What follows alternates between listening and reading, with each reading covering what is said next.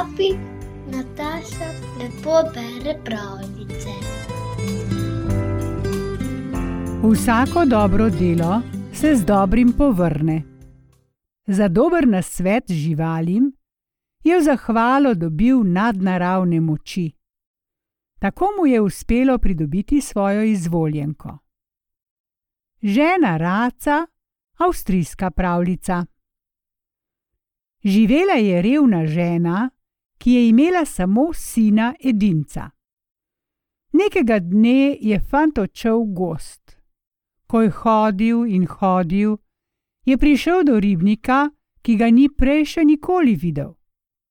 Brž, ko se je približal bregu, so tri krasne mladenke skočile iz vode, nataknile so si ptičje srajce in gagajoč odletele, spremenjene v race. Srednja od tistih treh je bila fantu posebno všeč. Toda, kaj mu je to pomagalo? Ptice so mu kmalo izginile izpred oči, sploh ni vedel, kaj naj stori.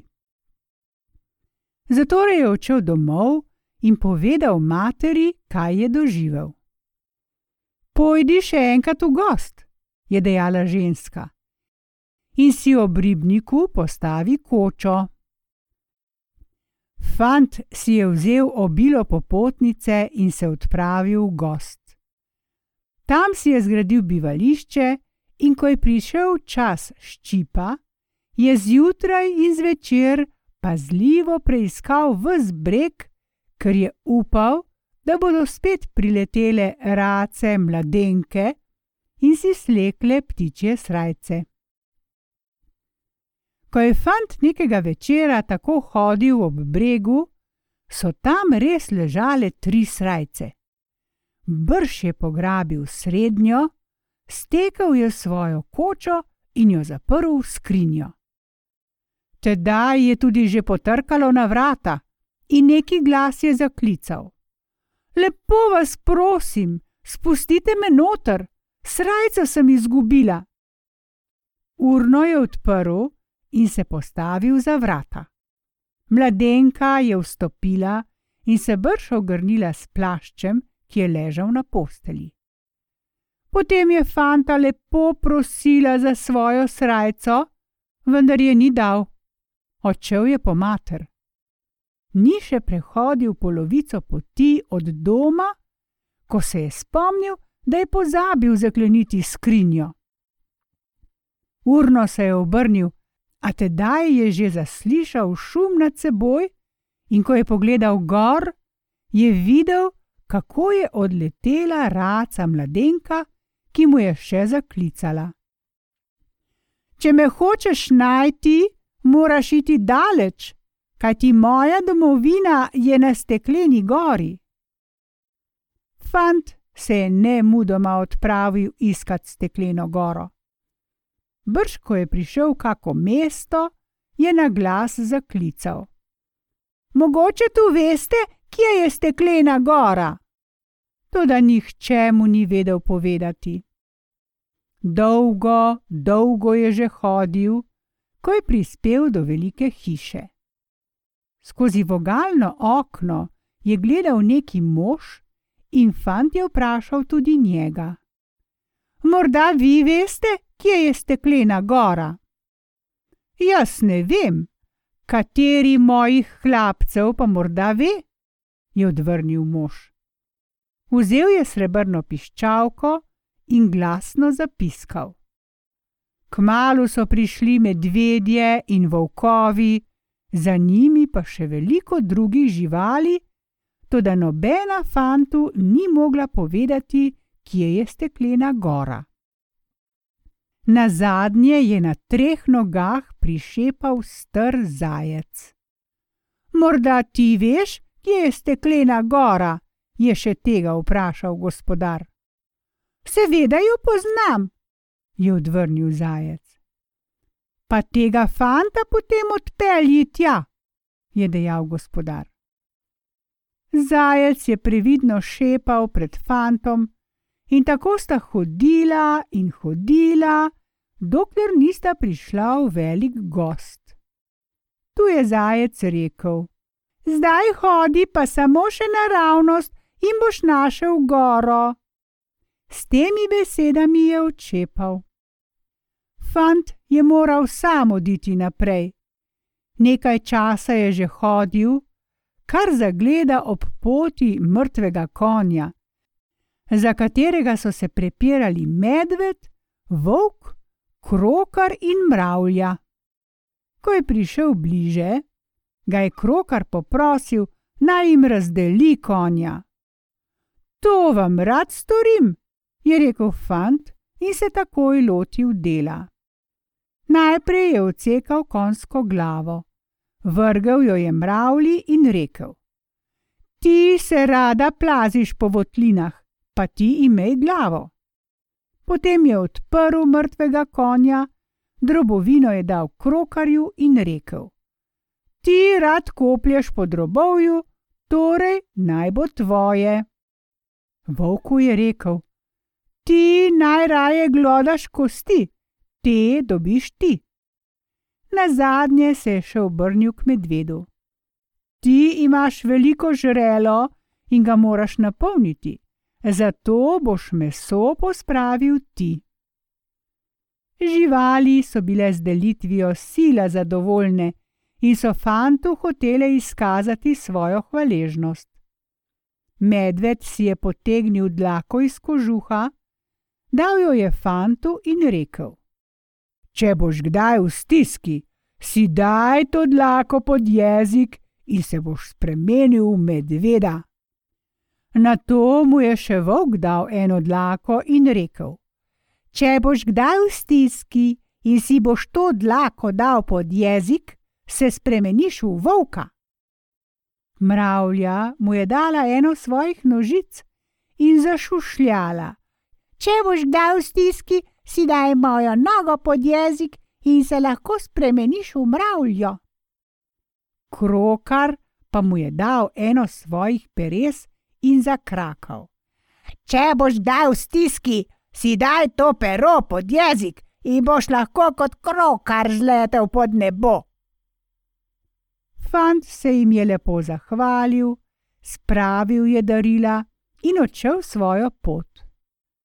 Ko je že nekaj časa hodil, je nenadoma videl, kako se je v daljavi nekaj zabliskalo in zalesketalo.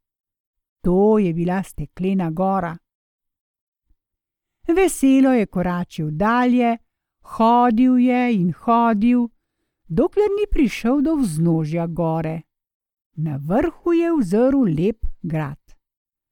Poskušal je spredati gor, toda pobočje je bilo tako gladko, da je vedno znova zdrsnil nazaj. Fant je potegnil ven medvedjo dlako in si jo dal pod jezik. Hipoma se je spremenil v medveda in si že začel s tacami kopati stopničke. Toda ostri stekleni drobci so ga kmalo tako hudo ranili, da je moral odnehati. Tedaj se je spremenil v volka, da bi se obdržal z zobmi, a tudi to se mu je izjalovilo. Naposled se je spremenil v krokarja in kot krokar je zlahka poletel na goro. Na vrhu je zagledal deklico, ki je stala pri odprtem oknu. Brž je poletel k njej. Vsa vesela ga je pozdravila in mu povedala: Moja mati je čarovnica, na vse mogoče načine jo tako dolgo trpinči, da ti bo dovolila poroko z menoj. Na to ga je pustila samega v sobani in se umaknila. Fant se je spremenil v mravljo in zlezel v posteljo, v kateri je vedno spala starka. Ko se je stemnilo, je čarovnica prišla in legla. Koma je zaspala, že je fant kot mravlja zlezel k njej. Grizel in glodal jo je po vsem telesu, tako da sploh ni mogla spati, in podobno jo je mučil tudi še drugo in tretjo noč. Ob svitu tretjega dne pa ga je zalotila, ko je ravno hotel zlesti iz postelje. Dobro vem, da nisi navadna mravlja, je rekla čarovnica in ga znova prečarala v človeka. Kaj iščeš tot? Tvojo srednjo hčerko bi rad vzel za ženo, je povedal fant. Dala ti jo bom, je odvrnila stara, to na moje dekle si moraš tudi zaslužiti. Odšla je ven, prinesla jajce in rekla: Najprej moraš izpiti to jajce, ne da bi ga preluknjal. Brž, ko je odšla, se je fant spremenil v mravljo, pregriznil je lupino in izpil jajce. Potem je luknjico zadelal z apnom, spremenil se je v človeka in prazno jajce odnesel čarovnici. Dobro, je rekla čarovnica, to se ti je posrečilo. Naslednje delo ne bo tako lahko. Četrt urice hoda od tod je velik, velik gost. V treh dneh moraš podreti vsa drevesa, debla moraš razsekati v polena, poravnati jih moraš in vse naložiti v skladovnice. Ko je fant to slišal, je ves v skrbeh odšel ven, da si ogleda tisti gost. Že od samega gledanja se je tako utrudil, da je legel in zaspal. A ko se je zbudil, je poskočil in si začudeno pomel oči. Naokoli ni bilo nobenega gozda več, zato pa je tam stalo na tisoče in tisoče sežnjev drv, zloženih v skladovnice, in že je fant zaslišal glas svoje ljube, ki je dejala: Medtem ko si ti spal, sem jaz opravila delo in pomagala ti bom tudi pri tretji nalogi.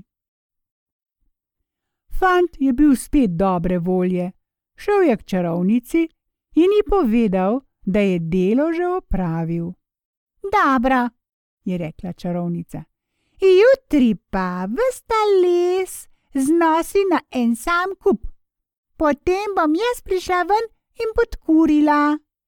Ko bo grmada vsa v plamenih, boš moral skočiti naravnost v ogen. Če tega ne boš storil, ne dobiš moje hčerke. Ko je fant to slišal, je bil spet ves pobit. V hudih skrbeh je šel spat. Naslednje jutro se je zgodaj odpravil na delo. Komaj je les zložil v grmado, je že prišla čarovnica in podkurila. Ko je bila grmada vsa v plamenih, se je fant zaletel, da bo skočil v ogen. Toda, ko se je približal plamenom, je obstal. Še nekajkrat je tako naredil, na zadnje pa je zaslišal glas svoje ljube, ki je zaklicala: Skoči, skoči! Tedaj se je fant opogumil in skočil naravnost v plamene. Goreča polena so se razletela daleč vsak sebi, fant pa je ostal živ in cel. Povsod, kamor je padlo goreče poleno, je takoj zrastla hiša in tako je brž nastalo lepo mesto. V sredini pa, kjer je prej stala grmada, je segal visoko pod nebo grad iz ognjenca. Pred vhodom je stala nevesta in fantu zaželela dobrodošlico. Kmalu so praznovali veselo ženitovanje. Fant je tudi svojo revno mater pripeljal na grad in dolgo, dolgo srečno živel kot gospodar tega gradu in kralj tistega mesta.